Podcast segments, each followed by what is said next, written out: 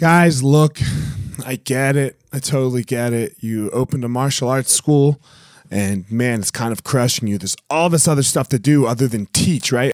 You love teaching. You love jujitsu. You love Muay Thai. You love karate. Whatever it is you're you're teaching. And man, but there's all this other stuff. There's there's the front desk. There's there's taxes. There's curriculum. There's cleaning. There's there's problems, staffing, covering. Whew, man, it's so much. It's so much. Well, let me tell you, uh, we have started what's called Easton Online, and Easton Online is here to solve all of these problems for you. Easton Online is a digital academy for martial arts school owners and managers. Will help you establish or enhance your business with best practices. Most importantly, we're going to help you get back to what it is that you love most teaching and doing martial arts. Okay, so for more information, guys, go to easton.online. Again, that's easton.online.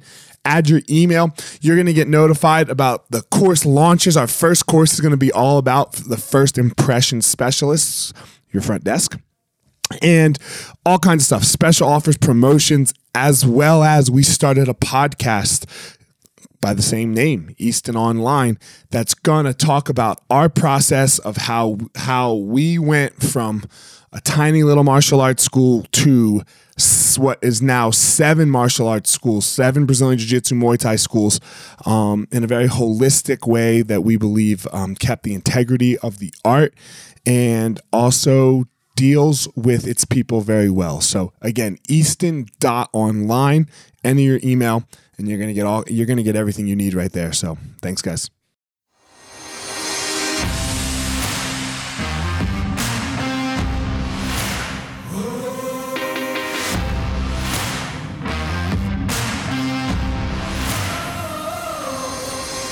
What's up, my ninjas? This is former UFC fighter Elliot Marshall, and this is the Gospel of Fire, where we are going to learn how to go into the fire so that we can find our power and live the best life possible.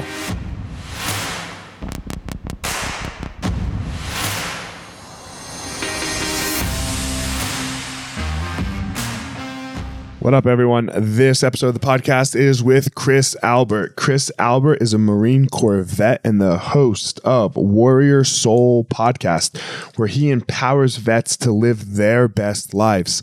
Um, after his time in the Marine Corps, um, he had some up and down struggles with life and just depression and, and anxiety. And he, you know, worked his way through. And now part of what he does with his life is really encourages other vets to find different ways, find positive outlets for their life so that they can live and uh, just an experience life to the, the best, the best that they can. So without further ado, here we are with Chris Albert. All right, here we are, another episode. What's up, Chris? How are you, man? I am good, my friend. How are you doing today? I'm doing well, man. You know, sitting sitting up here on another day with Corona. Not not yeah. personally having Corona, but the world having Corona. Chilling with the Rona, man. We're yeah, we're, man. we're all just uh just prisoners in our own houses, so to speak. But not yeah, really prisoners. But not really. Yeah. Yeah, we're we're we're free. We're free. Our minds are free to roam. That's something I discovered a long time ago uh, yeah. in, in, boot camp. Right, your mind yeah. can go anywhere you want it to go. Right it uh, you know for me i've been saying uh like I, I think you know and we'll get into this of uh like the psychology and like the hell of your own mind sometimes and the hell of my own mind like when i go off the off the radar off the deep end it's way worse than this right now. Like i can oh, handle this. This is fine. You yeah, know? and that's the thing i think a lot of people create their own hell right? Because at any situation you go into i mean you could look at it like it's the worst thing in the world. I'm lonely. It's raining out. I can't can't do anything. Or you could grab a good book and you can sit down you can learn about something you could get on YouTube. You can you can exercise in your own house. You can spend time talking with your family. Although that that might become a little bit hellish after a while too, right? you know, I was I was talking to my wife we were, and my kids. I got two kids, and we were sitting at dinner last night, and uh, I two little boys. I have a six year old and a ten year old, and we were talking, and we were like, man, if you would have asked, and we were like, how's this been for everyone? Because it's been about a month, mm-hmm. right? Like of the of the ice of the social distancing and if you would have asked me two months ago, right, if, it, if I had to spend one whole month, you know, like pretty like I would have been like, oh my god, we, we're gonna kill each other, and we've done a great job, you know, so far. But that that's that's in a we we have a lucky family, right? Like there's no alcohol, there's no abuse, there's no, Yeah. you know, those people who are, are who I'm really feeling for right now when like school or work or whatever it was was the escape of a tyrant in the house. Yeah.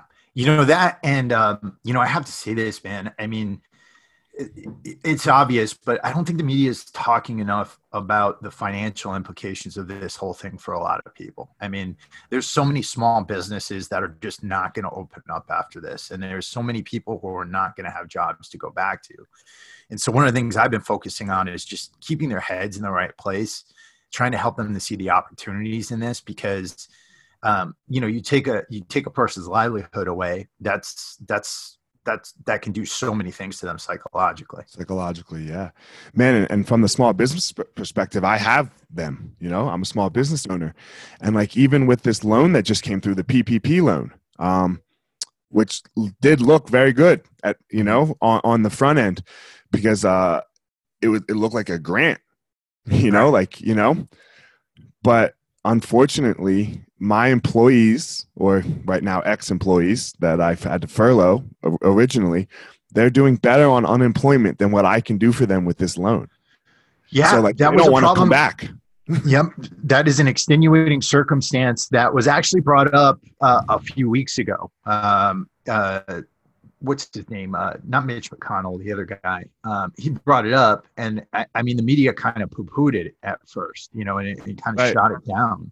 And um, i mean that's a, a really really important factor. I mean you take people's incentive away to go to work then you know it's it, it, it can ruin a whole lot of things and put a huge debt in the economy you know But for, for me as the business owner, it, it's giving me a huge debt because let's say, I mean, let's just take an easy number, $500,000, right? Let's say that's what they allowed me to borrow off the PPP loan. Well, if I pay that out to employee, if I, I have to hire back 75% of my staff, right? Yeah. Well, if 75% of my staff doesn't want to come back, that grant just turned into a fucking loan. Right that I that I owe now, right? Right. Like, and I don't know that I want. I don't know that I want five hundred grand. yeah there are certain other things you can use it for i believe you can use it for rent on your facilities But too, yeah, right? but you have to. But for it to be a grant, Mhm. you have to hire back seventy five percent. Oh, You don't, right? I I can use it for whatever the fuck I want, mhm. right? Like like I can. Let's say you know, like let's say that number's five hundred thousand, two hundred two and a half times my payroll, Yeah. right? Uh, I can use it for whatever. Yeah. But it's a loan now, not Yeah. a grant. That's a huge Yeah. difference. That's Yeah, a huge a difference, big right? difference. Now I get it if now that that that loan is at 1%. So if you have debt, let's say, where you know you're paying 5%, okay, yeah, you pay off your debt and that makes sense, right? Because now you took 5% debt and made it 1% debt. I don't have that right right? Like, so just taking a taking on a loan of five hundred grand is ugh. one thing i would say though is that that interest rate is going to be better than a mortgage right Yes. so there, there there's a little potential there to use some of that some of that cash to i mean i think the real estate market's going to open up a little bit as far as things go um, especially uh, especially down the line and you know when people become more unable to pay their mortgages i mean that's a potential use there we could brainstorm on that all day Yeah, yeah. It's it's scary though, right? It's a scary Yeah. thing to take on debt right now, though. You know that you, Yeah. that you don't need, and I see the future of it for sure. Mhm. But all right, let's get off the Rona. That's that's, that's enough. let's Bye, talk. Rona. let's talk you. It's gonna go away, so let's make it go away now. Um, so you're in Southern California now. Is that where you grew up? Is that where your life started? I'm in. I'm from Connecticut originally, uh, Hmm. Norwalk, Connecticut. Nice Okay. little town, about 45 minutes north of New York City if you take the train. Um, I'm a, a New Englander at heart, um, and then uh, got myself into the Marine Corps when I was uh, 19 years old. I've, I've lived around the country, and then I moved out to California. Honestly, I, I went out, came out here to work on a PhD. I was um, doing a doctorate in political science. Okay. Let's let's back up a little bit though. What got you from so you're in Connecticut, you're growing up. What was your childhood like? Like because you know, sometimes when people just join the Marine Corps at 19, like, you know, uh they're they're not the Marine Corps is not going after the the Harvard political scientists, right? Right. They're going after the the little bit the the less likely to succeed, maybe. Yeah, well, how do I say? It? I don't know if that's the right way to say that. that wasn't I- right. I wouldn't put it like that. That's- Right. It's actually difficult to get into the military. Um, you, you have to take tests. You have to take academic tests called the ASVAB. You um, and the Marine Corps is actually. I knew nothing about the ASVAB until I read Goggins' book. It, the, the Marine Corps is actually pretty selective uh, as far as who it takes. What I would say Okay. is what drew me to it. What what drew me to that rather than than um, other paths in life. I didn't have a dad growing up. Um, I, Okay. I, I grew up in a house full of women. Um, you know, I had uh, my mom. She did every single thing she could to to get me and my sister to the age of reason. Right. So she um, she worked three jobs. She she you know she pushed me into different things, but I was kind of a, a weak kid, you know, and and um, wasn't very athletic. I didn't have a lot of male mentorship in my life, and um, you know, one day my mom, my mom's a tough Italian woman. She looked at me and she said, "You know what? You're weak. You got to get strong." And so she handed me a twenty dollar bill. She said, uh, she drove me down to the gym. She pushed me in there. She said, "Hey, go learn how to get strong." And so I went into the gym, started working out. Um, and then How old were you at that point? I was probably like twelve Okay. around that point. point and then and then um she uh the next year she knew i was going into high school and she said you know chris you, you got to get into sports and i didn't want to go into sports i didn't want to play football or anything like that so she heard there were tryouts for football she literally packed me up into the car she drove me over to the practice field she kicked me out of the car and then sped off uh, while tryouts were going on. And so I went and tried, hated it. She made me go back every day. Um, and then finally I started liking it. I started actually enjoying it. And that was like the first kind of male mentorship I ever had.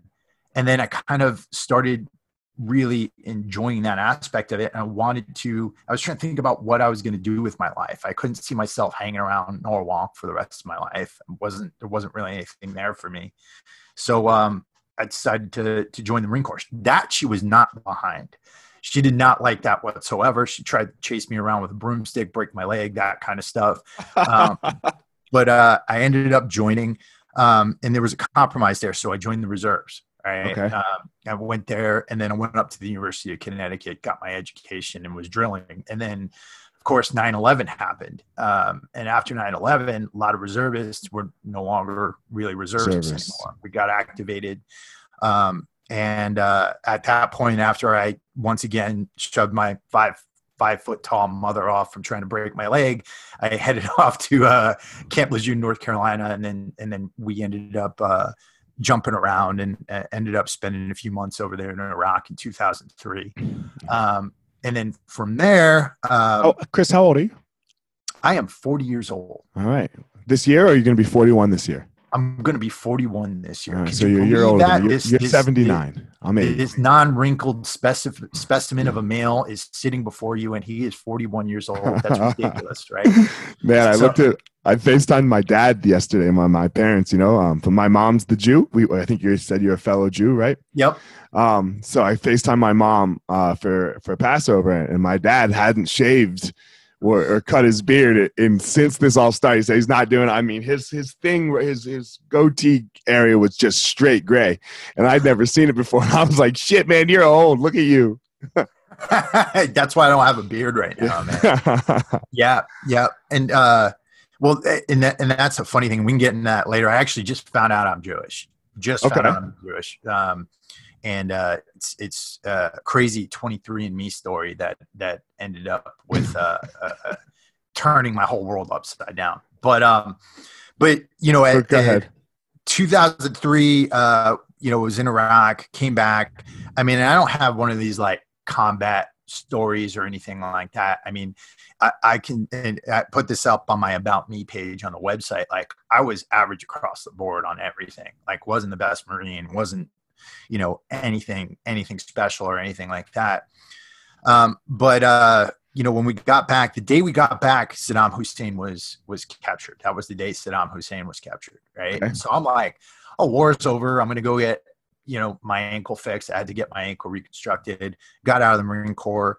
Um, went to grad school after that at the University of Connecticut using my GI Bill, and then um, a couple of years later, uh, you know, my unit got sent to Fallujah, and um, uh, three of my friends got killed.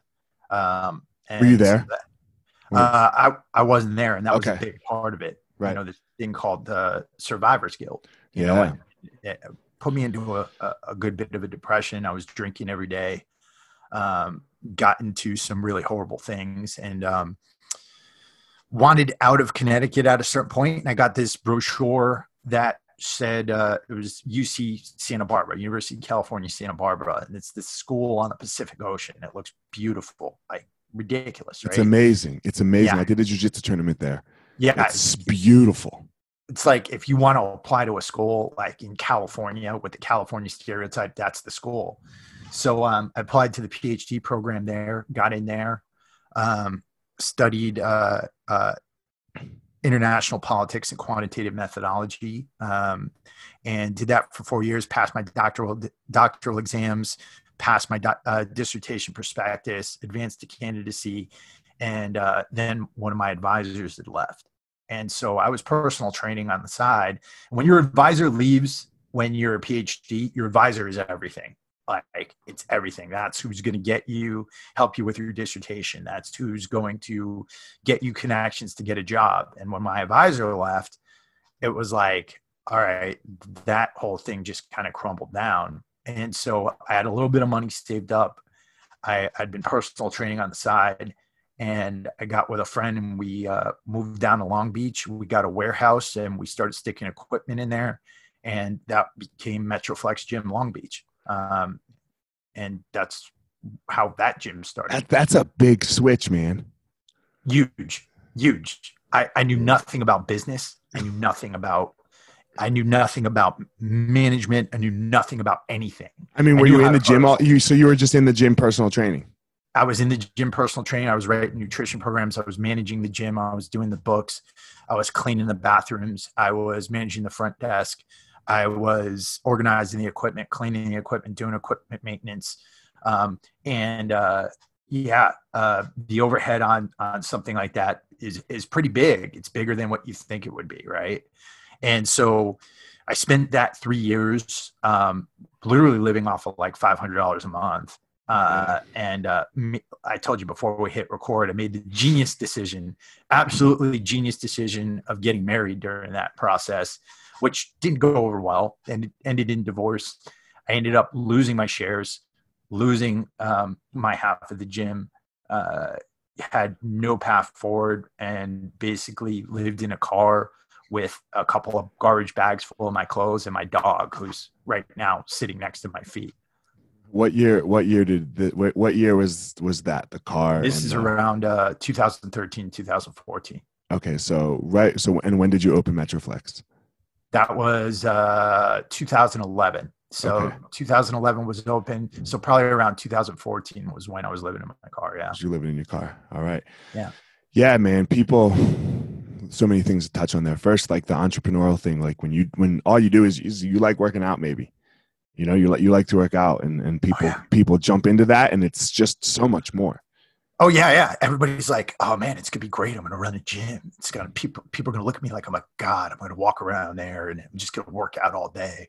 And it's not. You know what I mean? Uh, um, as a gym owner, it, it it's tough because you see people abusing equipment. You see you see the gym getting dirty. You see all these things. You see money going out the door. Um, you know, and and uh, it was a tough situation to be in. But luckily, I mean, I had some good friends at the time. Um, Mike Rashid, uh, who was somebody I advised on nutrition, CT Fletcher is somebody I advised on nutrition and, and brought in as trainers at the gym. Um, they were both my old training partner, Thad Coleman, uh, and, uh, and his girlfriend at the time, Liz Freel, who's one of the strongest women in the world. She let me live in their apartment um, for a bit. And then Mike gave me a, gave me his old laptop and he said, listen, dude, you know, you might not be able to do this gym thing, but you really, you're one of the smartest people I've seen on nutrition and training ever. So why don't you start a YouTube channel? So I started a YouTube channel and I, I, was like, social media, I don't want to post pictures of myself, create videos. What the hell is this? Right. And so I was like, I don't have anything to lose though. So why don't I just start doing it? And I started shooting videos on my cell phone, posting them up, working out at Starbucks. Um, and uh, slowly but surely, people started contacting me and, and wanting to get online training. And um, that's how I, I built up a, a good, good bit of money to get myself out of that situation. Man, it's just uh, fail your way forward. It sounds like here the whole way. Oh yeah, right? big like, time. And and a, a, lot of a lot of struggle, a lot of struggle, a lot of nothing going right until you until you just is what it sounds like to me here, where you just were like, all right, all right, but I but you took something from each piece there, right? You took something from the Marine Corps, you took something from college, you took something from the failed gym, you took something from everywhere to the point where you are able to like, all right, start to like get really get a grasp underneath of you, you know, and that's such a hard thing for that's such a hard concept for people right? They want to, especially with when they look at social media. Yeah, and, and you know the thing is this. I mean, when you get yourself into a situation like that, it, it's kind of like being lost in like a thick set of forest, right? Where where there's like trees all around you. You don't know which way you're going, right? And um, you feel like it, it's you could be surrounded by people, but you'll feel like the loneliest person in the room. Um, and you know, I never had money growing up. Never, never, you know, and you know, being in that environment where you know, at the time, a lot of these guys were blowing up big time on social media. You know, they, they were blowing up big time as as fitness personalities. And, like CT, right? CT's yeah, huge now. He's fucking huge, huge. And and when he when I met him, the first day he walked into Metroflex, the guy had like nothing. All right, he was he was walking on his way to work and he just so happened to saunter into the gym. And I looked at him, I was like, "Holy shit, this guy's got the biggest freaking arms I've ever seen in my life." um, and uh, he was a really, really nice guy. Um, he's like, "Hey, can I check your gym out?" And I was like, "Awesome." And then, you know, I'm I'm up front, I'm doing a few things, and then I go back and I look at him and, and I'm like, this guy's preacher curling 90 pound dumbbells in my gym right now like preacher curling, like with your arm like uh-huh. strict, uh, yeah, had a ninety yeah. pound dumbbell in his hand, going like this for reps, and I was like, so everyone shit. understands you can't you can't do that whole back thing, right? Right, that's right. gone. That like this is literally your bicep. Right. And I'm like, what, where the hell did this guy come from? and um, comes back up. He's like, listen, uh, you know, I, I used to be, um, I used to be a, a big time powerlifter. I was world champion, had a few records in bench press. Um, and uh, right now, he was training over at Bally's. Um, he's being a personal trainer there. He hated the job, and he's like, "You mind if I come over here and bring some of my clients?" And we were like, "Yeah, awesome, let's do it." So, um, so he came in, and it, it was a good year or two.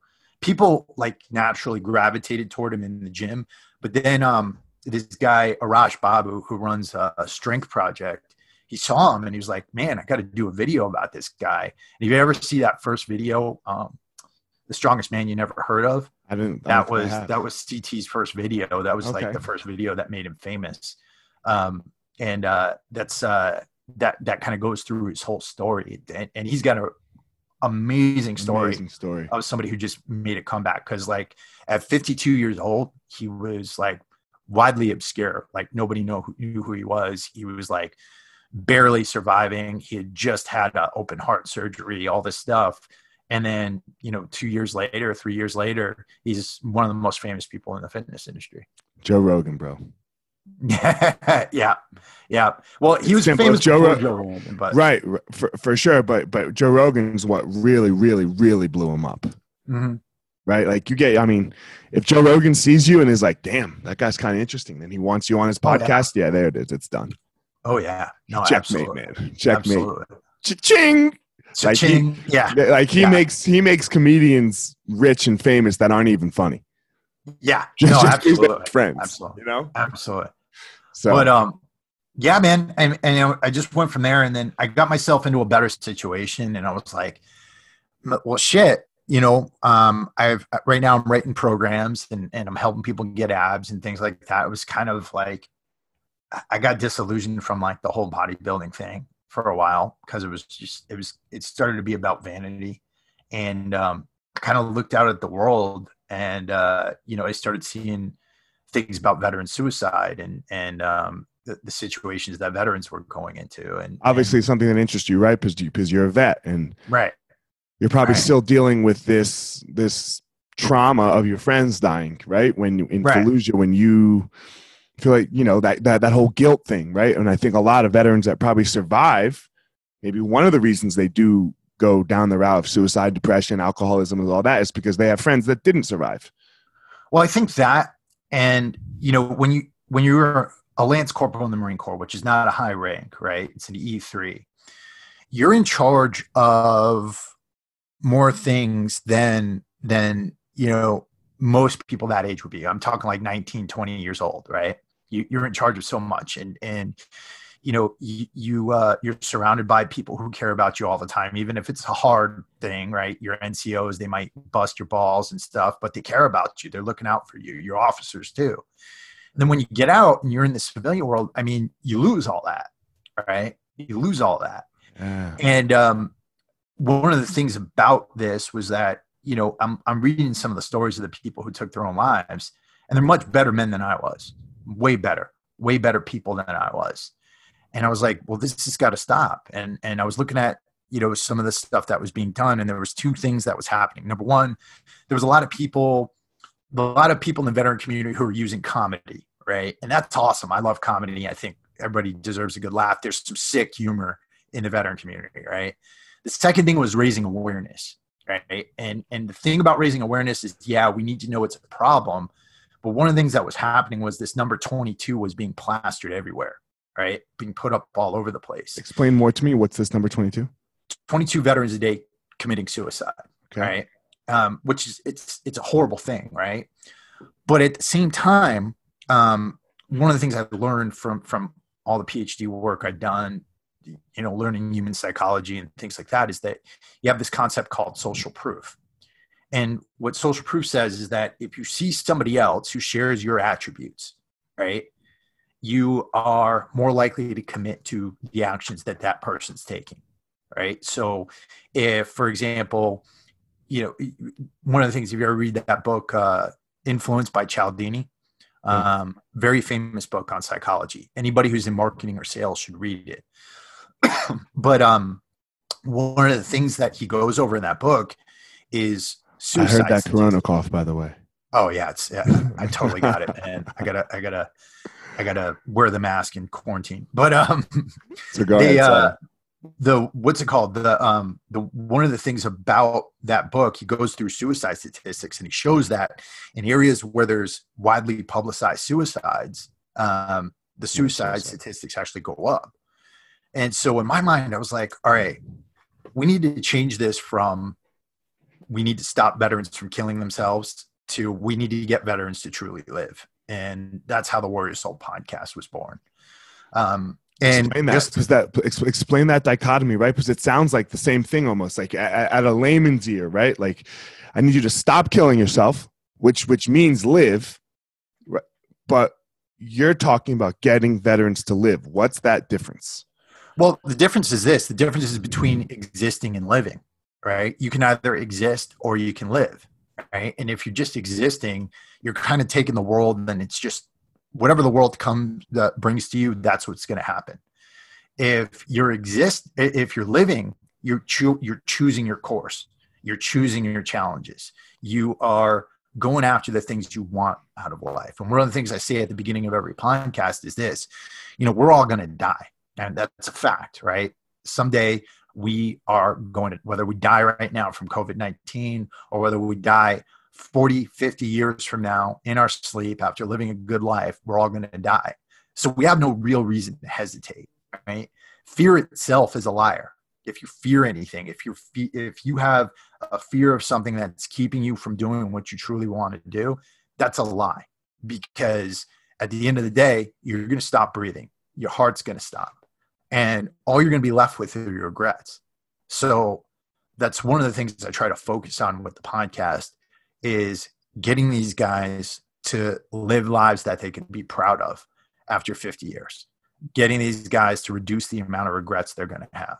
How do you because, and, and one of the things you, if you ever go to like, I went on this trip to Greece while I was a PhD student and um, went to uh, the, the site of the Oracle at Delphi. Right. And if you know anything about ancient Greek history, Delphi was like the Disneyland of the ancient world. People would mm-hmm. come there from from Minor Asia, they'd come there from Egypt, they'd come there from from the Mediterranean, all around just to hear the Oracle speak and to watch the Pythian games. But if you go there today, it's just a bunch of rocks, right? We know a lot about Greek history. We know about the 300 Spartans. We know about the philosophers. We know about the famous people but we don't know much about that that guy or girl who was just trying to get by right? Trying to make their farm live trying to trying to be a merchant trying to trying to raise their kids and things like that. That's lost in history.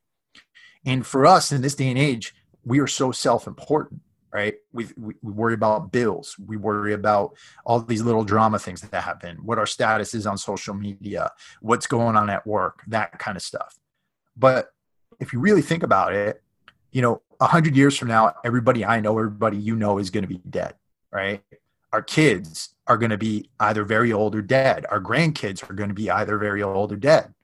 So, you know, the chances are, you know, a hundred years from now, a lot of people might not know my name. They might not know your name, right? And so all these things we worry about, they're eventually going to be dust in the wind, just like we will be. So you, you can't take life and and fill it with drama. You only get a set amount of time here. And what you need to do is you need to focus on using this time to live a life that's going to be amazing. Okay, so now I, I, I agree with you, but the argument that you get that I get a lot, okay, is right there when you were talking a second ago, when you were talking about uh, you know we're all no one's going to care about us here in a hundred years which is in the blip of time of, of the earth absolutely nothing it's like a fucking millisecond to the earth mm-hmm. Right? right how do you not go into nihilism there how do you not go into nihilism i mean the the biggest thing i can say about this because i've been nihilistic in the past right okay. when i was when i was a phd student i might have had everything look good on the surface but i was drinking seven days a week, womanizing like crazy. Um, and a lot of that was because of what I was learning at the time. In the American academic system, particularly in those circles, you you you read a lot of Marx, you read a lot of uh, of literature that could make you nihilistic, right? And one of the things that that I've found is that the way that you stay away from nihilism is through actually developing genuine relationships with other people right? Actually being in a community, actually talking with people, helping people, and seeing seeing getting that human touch. Because I think far too many people are isolated. And if you go into a situation where you're increasingly isolated and all you're doing is living your life through social media, you're going to become increasingly nihilistic. Yeah, man. I just uh, I have Ryan Holiday's book Stillness. You know, uh, great book great book and i was just um, i'm going through it again and uh, just rereading that chapter on relationships you know yeah. that, that little section on relationships and how how it's how they they are the key mm-hmm. right like the like what makes you not what makes us not nihilistic is this right here me and you talking right right, right. and now uh i know it's not in the I know the email that my team sends out, like they, they don't include that Elliot would like to probably keep in contact with you after the podcast, but I would like to, right? You know, like mm-hmm. when I have a good conversation with somebody that I that I feel like, damn, all right, that guy, that girl, they get it. You know, that was really cool. You know, like I like to keep in contact with them. And that's what keeps me from nihilism. And you just said it. Right. Each conversation I have and each person that I meet is so important and so important because I don't get to do that again. I'll never get to talk to you for a first time again. Right. No, exactly. And, and that's the that's the real benefit of podcasting. You know what I mean? Yeah, and so cool. I heard that COVID nineteen cough. You got it too, man. We're we're transmitting it through the airwaves through, through, They didn't know. They didn't know that it went through the microphone, through the through the internet. God yep. damn it! It's radiated right now. uh, but but you know the one thing I'd say about that, man, is like you know, you look at what's going on with podcasting right now. I mean, like, and you probably get the emails. You probably go, every time you go on social media, there's somebody on there probably telling you how they're going to blow your podcast up, how they're going to turn you into like this super entrepreneur. And, and there's a lot of people out there that think like podcasting is is an easy road to riches and fame and things like that. And probably both myself and Elliot could tell you, no, it's not. It's a lot of fucking time. It's a lot of work. Sorry if I you can't curse you here. Can curse. You can curse. Oh yeah. It's it, it's it's fucking hard. Like it's ridiculously hard. You will spend so much time on this. You'll obsess over the audio. You'll obsess over the guests you bring on. You'll obsess over whether or not your statistics are going up. But here's the thing: you got to stop.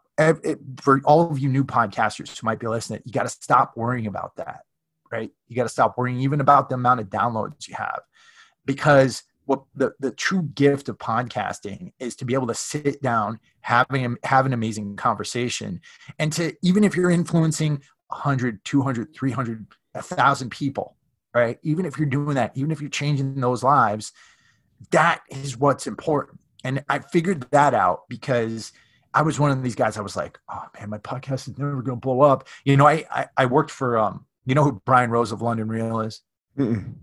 He's, he's, a huge podcaster. Just got him a uh, huge podcast and YouTube guy. He's like the okay. Joe Rogan of the UK. I worked for that show for three years. Right, I was the lead instructor of their academy, and and I learned a lot from him. It was like having like a, a world class education in podcasting because I knew nothing about podcasting when I first started. I didn't even know that I needed a microphone. Right, if you listen to my first six months of audio, like it's horrible. Right, and and and uh, it's it, it was I had an interview with Ben Greenfield, one of the most famous trainers in the world.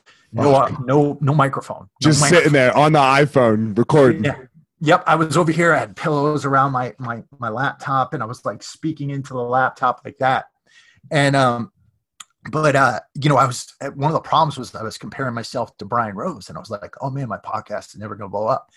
And I, have had, and this is why I believe in God, and this is why I believe in a higher power, because I become, I got real close to quitting, and then not, you know, 24 hours later, I get a message um, from a veteran who was like, you know, your podcast helped me.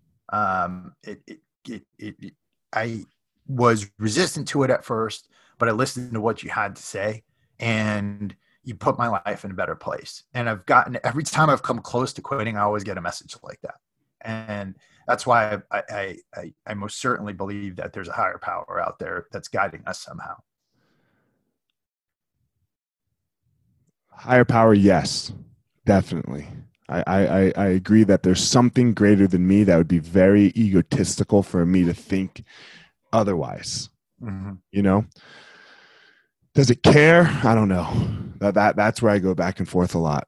You know, that's that's where I go back and forth a lot on on the caring aspect. But as far as what you were saying a second ago, that's the key. Like you're you're talking about the key, and I got this. I got the same information that you just gave. I I got it from somebody. You know, I met with him, and he uh, his, his name's Adam Borenstein, and he worked he uh, he worked he was the behind the scenes of tim ferriss's podcast and tim ferriss has one of the biggest in the whole world, yeah, right? Huge. Yeah. Huge. And he was like, look, man, he's like, eh, you know, Tim Ferriss, Tim Ferriss is mad that he's not Joe Rogan.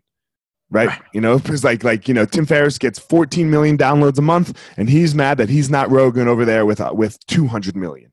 Like, he's like, what the fuck, man? You know? So, so get over the stats, yeah. right? Get over the stats. Talk to one person Talk to one person. Go make one person's life different. Figure out who your avatar is. Who's the one person's life who you're going to change. And that's what you did, right? And that's what that message was. That yep. message that you changed that guy's life. So now you start to ask yourself, well, what's a fucking life worth? Is it worth two hours of my day sitting on a sitting here figuring this shit out? Well, yeah, it's probably fucking worth that. You know, it's probably worth that. If, if, if, that if I get a message every so often, even if you never get another one again, you got the one. Right. Right. And, and that's the thing, man. That's what gets me up in the morning. That's what, what, I mean, I've got a day job. Um, I, I, I work my butt off, but my passion is bringing that knowledge to the veteran community and changing the veteran. Cause I, I believe in my heart, I believe that the veteran community is the sleeping giant in, in, in this country. right? And one of the affirmations I tell myself before I start every show is that I truly believe that there's a future congressman, a future senator, a future president of the United States listening to my show. I tell myself that every time before I hit record, right? Before I was coming on here, I was saying that same thing. There's probably somebody who is going to be of importance listening to Elliot's show. So I want to bring my best game. I want to bring my best value, and that's how I show up. You know, it's I, it's our privilege, right? It's our privilege that anybody would listen to our show. It's Mhm. not their privilege that we're talking to them. You know, Right. and that that mentality has made me a better everything. You know, Right. especially when it comes to other people, like the like a teacher. You know, a teacher of martial arts, a teacher of Brazilian Jiu Jitsu. Like, uh, man, I've been super lucky. I've accomplished a ton in martial arts, but it's not the student's privilege to be learning from me. It's Right. mine to be able to give it to, to, to be able that they would spend an hour of their day with me. Mhm. That is the biggest privilege in the world because they, they're giving away their biggest asset, time. You know, Right. time. No one, you don't get more. Exactly. And I'll tell you another thing a lot of podcasters don't understand is that that you know your relationship with your guest is important, but it's not as important as your relationship with your audience. Yeah. And because I see a lot of podcasters, they go into like hero worship of the people they bring on and and like they'll try to get guests, they'll try to do this, they'll try to do that. But a lot of times, like you'll bring on guests who've done, you know, 300 podcast episodes, right? And if it's somebody who's done that, there you got to walk you got to be very creative in ensuring that that episode is not going to be like the million other episodes the guy did right Dude, that was my worst thing fighting. I hated it. I, like when I was fighting, that was like the fight. I'm sorry, fight week wasn't the worst thing, but but fight week, talking to the reporters, how do you feel? Mhm. And then you answer the question. Are you ready? Yes, you answer the question. And then you go to the next interview. How do you feel? Are you ready? yeah How was camp? How's your weight cut? Dude, fuck off. Come up with. I just answered that. Why? You know, like and, Exactly. and and that and like that guy. That's Ariel Helwani over there. He's the biggest guy in the game, right? So everyone's listening to his show Mhm. for how's my weight cut? How's my blah blah blah? Right? How is camp? You better come up with something interesting. Why people are going to click your show? Mhm. No. So yeah, like you have no direction. I think sometimes people with podcasting, in, in my opinion, and maybe I mean, look, I'm not a huge podcaster. Uh, they they they have this thing that they have to talk about, and I, I just don't do that personally. Like I'm just like okay, there's a there's a message which is your message. Go through the fire, fail and fail and fail and fail, and then oh my God, look here we are. You know, but that's that. But how we get there, I, I think is is just random. You know, and, and how we, you and I got there today. what, you know. what i like about your show because i've obviously listened to quite a bit of it before coming on here Okay. I, you, you have genuine conversations with people right you, you, you, you bring up genuine points and i've been on other shows and like it's like they create this like kind of firing squad question thing where they're Interview. asking you the question and you give the answer and then you ask i like i like the platform the format that you create right? Where it's like real genuine conversation. We have a rapport with each other. We're actually showing sides of ourselves that that you know maybe the audience hadn't seen before right and it's real genuine human interaction even though we're talking in a plastic boxes that are transmitting covid-19 into our lungs right now um Shit. I forgot. yeah, man, I don't like interviewing people. I like talking to people. yeah exactly You know, I don't, I don't, I don't like that. I don't like that. I, I here's my sheet, and my sheet has your information for the for the intro that I'll write. Mhm. And other than that, I just don't like. I don't like to just ask questions. I like to talk and respond. yeah man and that's the, i think that's important that's important it's uh, because there's got to be that human interaction otherwise you know these words are going directly into people's ears right now through a set of earbuds right, Right. That- Well, it means we're listening to each other, right? right Right. Right. I don't like if, if you're if you're just asking questions, then you're just asking questions so that the person gives a response and then you don't care. Yeah. Right? Like, okay, I, I I hit the question, I hit the question, I hit the question. Great. Thank you very much. Uh, I'll never talk to you again and goodbye. Oh no, I will talk to you one more time. When the podcast comes out, I'm gonna ask you to share it. But after that, I'll never fucking talk to you again. Yeah, Right? exactly. And that's- exactly. and that I just don't think that's the way to do it. I think you have to you have to listen to what someone says and then ask and then talk about that. but Yeah. that's just my two cents. And I'm I'm no Yeah. I'm no supreme podcaster. So No, exactly. I, I think you got it down, man. I think you got it down. um wh- so what what so you said you have a day job. What's your day job by the way? I sell anchors, Okay, what do you mean? What's anchors? like boat anchors. Oh Like- shit. Okay. Yeah, yeah man. Um, All it's, a, it's a, and the reason why I li- like I'm really actually I'm actually very passionate about it. So I still train. I have a select clientele. I've got uh, five clients around the world, right? And the reason why I pulled back from that is because what I found myself was doing, and, and a lot of people think, oh, if you're if you love fitness, you should get into the fitness industry. Well, see yourself sitting down, looking over like a hundred different programs uh, and a hundred different spreadsheets of people's nutrition and see how much you're going to be actually doing fitness when you're doing that, right? So I keep a select clientele there. Um, I, I run a clothing company for Warrior Soul, um, and uh, you know I have I have like a mastermind, but that's not you know it's not something that's like I'm going to get rich off of or pay the bills or anything like Mhm. that. So um, I got this day job, and and the reason why I'm really passionate about it, especially right now, is because it's entirely manufactured in America.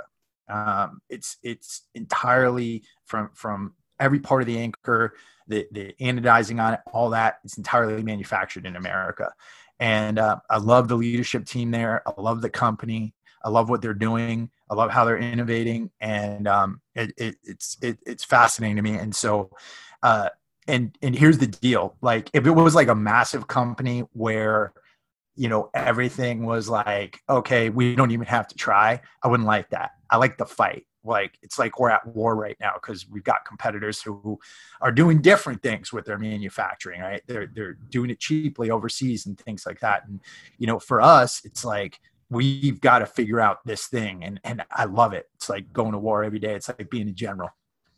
Fuck yeah. You know, it keeps you in that fight, keeps you in that figuring out, keeps you in that innovation, right? exactly Like, like hell yeah. I mean, I got a day job too. I love my day job too. You know, like, like I, I love this and I love my day job. So, um, well, God, I just had such. I had a point to something that you said. God damn it, and it slipped my mind right as you were saying it. I don't know, man. See the concussions, right? I'm good, man. It's all good. I've, I've, I've probably got the same thing going on. For But sure. um, dude, Um, you want to hear about how I found out I was Jewish? yes, yes. Tell me, tell me, talk to me. All right. So a year uh, a year ago on my 40th birthday, right? My my girlfriend had bought me a uh, a 23andMe kit for Christmas Okay. because I have um one of the things I didn't I have ulcerative colitis, an autoimmune disease that's almost killed me a few times, right? And like this past year, like I So you you're full on quarantine right now, then? Uh pretty much the medications I'm on have fully taken down my uh, my immune system. Okay, Um, I have to go for infusions because last year it got real bad. Like, it, if you don't know what ulcerative colitis is, it's where your immune system starts attacking your intestinal tract. And I've had the disease for 12 years. I go into flare ups. Like, you start internally bleeding. You have to run to the bathroom, you know, 40, 50 times a day with the bloody shits. Like, friggin', you you get up from the toilet bowl and it's like completely covered with blood and I was anemic. I lost 40 pounds. And as a bodybuilder, that's another reason why I pulled back from bodybuilding. Um, I, I mean, I can't step on stage at 150 pounds. I was lean, right, yeah. Like, you know, it's I got down Gotta to be like, lean in 250. Yeah, Yeah, yeah, I got I got down to 155 pounds from 215 yeah. right? And um, it was killing everything. It was kill- I would be in jujitsu practice, almost like falling over, like like dizzy, shit like that. And um, so finally, like went to the hospital. Um, they're like, listen, you know, you got to go on these medications, or we're gonna pull your colon. Like they're gonna. Put, I was on with um, um, Greg from uh, from Victory MMA. Greg, uh, oh man, I forget his last name. Awesome guy, awesome guy. Um, but but he's he he has the same thing, and they actually had to pull his colon, um, and they give him a J pouch, and um, they uh, the I was trying to keep that from happening to me, so I had to do these infusions. But I wanted to find out more about my background because I grew up Mhm, thinking mhm. I was Italian and German. And the story my mom gave me, she told me that my my father was a German immigrant, that he was um, uh, an alcoholic who died in a halfway house. She told me that my grandparents were were Nazis. Right? I don't know why my mom told me this. That was her ex husband, right? But um, I get this uh, 23andMe kit back, and it says you're you're 48% Jewish and and uh, 39% Italian, and the rest is North African Arab. But how can they tell a religion? They, uh, it's it's um, genetic. You actually have Jewish blood in you, Ashkenazi okay. Jewish. It's called. Um, there's two tribes: the Sephardic and then the Ashkenazi tribe. Okay. Right, and they're different DNA. Um, so the Ashkenazi tribe, what happened was they immigrated from from um, Israel back in the day in the medieval times. They settled around northern Poland, and um, what happened was a lot of times they would. That's like, got to be the one that I am too, then, because my yeah, most most Jews in America are, are Ashkenazi. Sephardics are more like um, Sephardics stayed in Israel for a while, Got right? It. So they're more like around Israel, around Egypt, and things like that. Um, but uh, in the Ashkenazi tribe, there's a lot of intermarriage that that happened back in medieval times, and so there's a lot of genetic problems, and we're prone to ulcerative colitis. We're prone to colon cancer. We're prone to a lot of different things. My dad's so, black too, man. So I got all this shit, bro. You should like fuck. When I, I mean, if I make it to sixty, I'm I'm gonna it's I, am gonna be taking pills all day long. Yeah, you got to take care of your health, man. You got to. So I get this thing back. It says I'm, and I had no idea. So I called my mom up. I'm like, Mom, did you know my father was Jewish? And she's like, No, no, I didn't know that. Yeah, uh, maybe he kept it a secret right? And I'm thinking, like in my mind, because of the story I grew up, like my I thought my grandparents were Nazis. Like I thought my grandfather actually served in the SS, and I'm like, I, guilt like crazy. You know what I mean? Like I actually went to a rabbi and I was like, what can I do to atone for this? What can I do to to like make this better? And um, six months pass, and then I get another note from 23andMe. It says, You have a new DNA relative. And being an Ashkenazi Jew, like I have 20, 2,300 cousins around the United States, right? It's just a lot of us are interrelated. So, um, but this one said I had a half sister.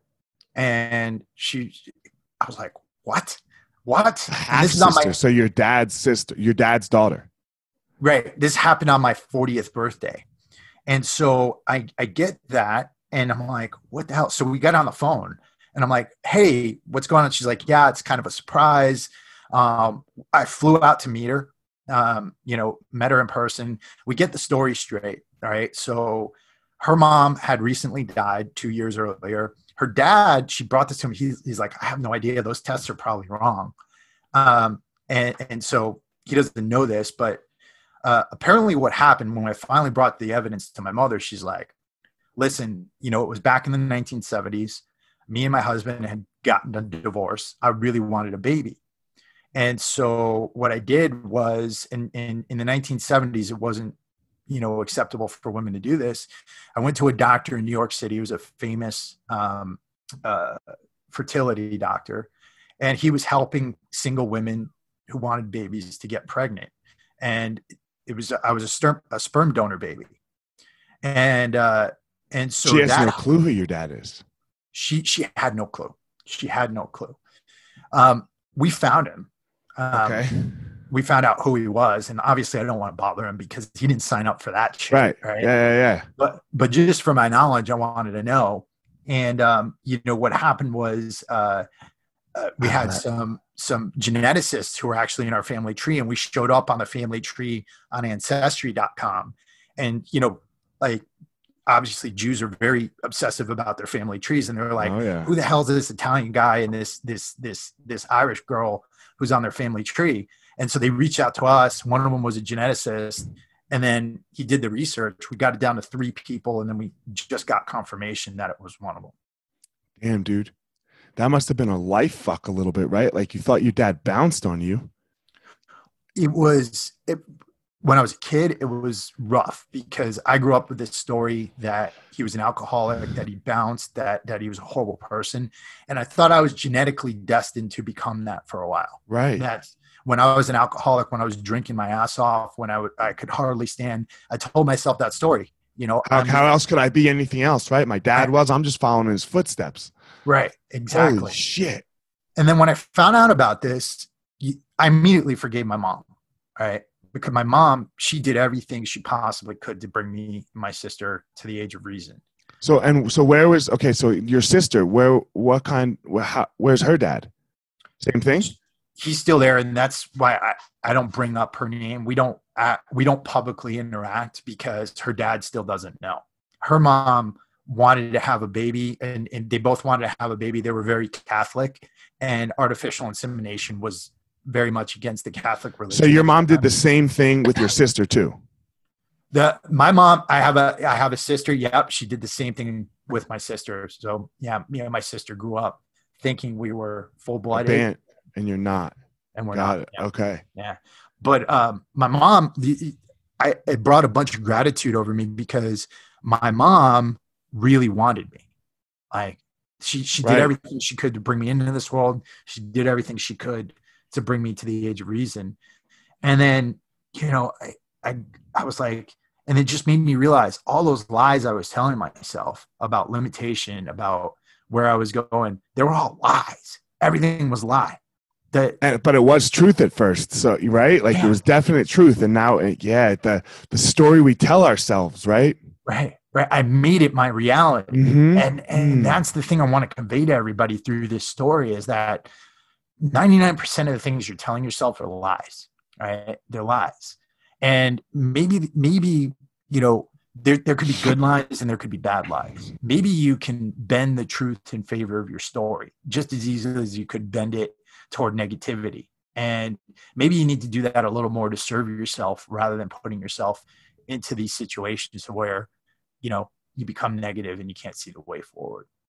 Man, that's an amazing story and an amazing like ending there, Yeah. right? like of of how to do it. So, man, thanks for sharing that. That was a really personal story. You did not like you don't have to do that, and man, that's and the forgiveness that you have for your mom too is an amazing part of that story. Yeah. And I love, I mean, my mom is an amazing woman and, um, she's, she's been the greatest influence on my life and, um, I love her to death. And honestly, man, this is the first time I've ever brought, brought it up in that detail in public. Like I haven't even talked about it on my own podcast. So, Oh, um, you guys got a treat here. man, that was an amazing. I really appreciate it, man. Thank you. Yeah. I will tell everyone where they can reach you, man. Tell everyone where to find your podcast. You know where they can find you on social media, stuff like that. Yeah, my, my podcast, you can find me on all the platforms iTunes, Stitcher, Google Play, uh, iHeartRadio, Spotify. Uh, the main website's up at www.warriorsoulagoge, that's A-G-O-G-E dot com. And uh, my main in social media platform is the Instagram. So if you want to see lovely pictures of myself and of all the other things that come up, you can head, head over to my Instagram account at Warrior Soul Goji. Um, connect with me on t- Twitter at Warrior Soul Gear. Um, and uh, I'm an open book. So anytime you guys have questions about anything, anything like that, just let me know. Oh yeah, man. All right, everyone. As always, you go out there and find your power. Your unique power, not somebody else's. As I always say with every guest, not mine, not Chris's. You have a power. Go out there, discover that power. Absolutely. And let me just do this one thing because I really wanted to do it when I heard the title of your show. It's the Gospel of Fire. Thanks, man. All right, everyone. Thanks for listening to this episode of The Gospel of Fire. If you enjoyed the episode, I'd love a review on iTunes or wherever you are listening to this podcast. Don't forget to follow me on social media at FireMarshal205. If you are a BJJ enthusiast, check out my YouTube channel. I put all kinds of instructional DVD uh, videos out on there, so go check it out. My book is still out on Amazon by the same name as the podcast, The- The Gospel of Fire. So if you are interested, go check out that. And most importantly, guys, go out there every day, find your power. Thanks a lot.